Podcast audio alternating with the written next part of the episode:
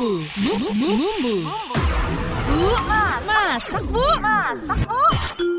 Hei, ketemu lagi sama Mas Yono di Bumbu Bu Masak Bu.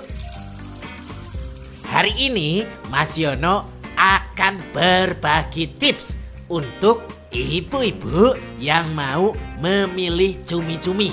Karena tipsnya adalah memilih cumi-cumi segar dan aman untuk dikonsumsi. Tips yang pertama adalah setelah membeli cumi-cumi, segera bersihkan cumi tersebut. Jika cumi tidak langsung diolah, Bu Ibu bisa menyimpannya terlebih dahulu di kulkas. Di kulkas ya, jangan disimpan di lubuk hati yang paling dalam. Hehehe.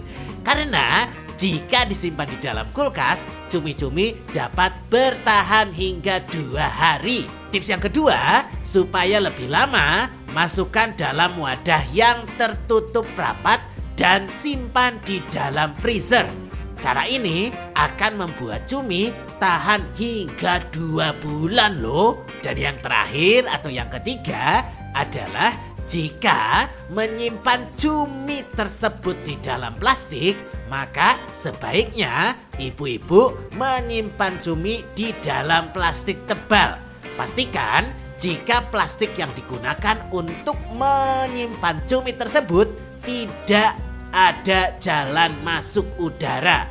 Jika perlu, ibu-ibu bisa mempakum plastik agar tidak ada jalan masuk udara.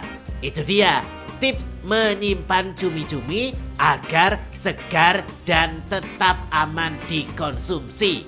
Untuk bumbu, bu, masak bu. Bumbu, bumbu, bumbu. Bu, masak bu. Masak bu.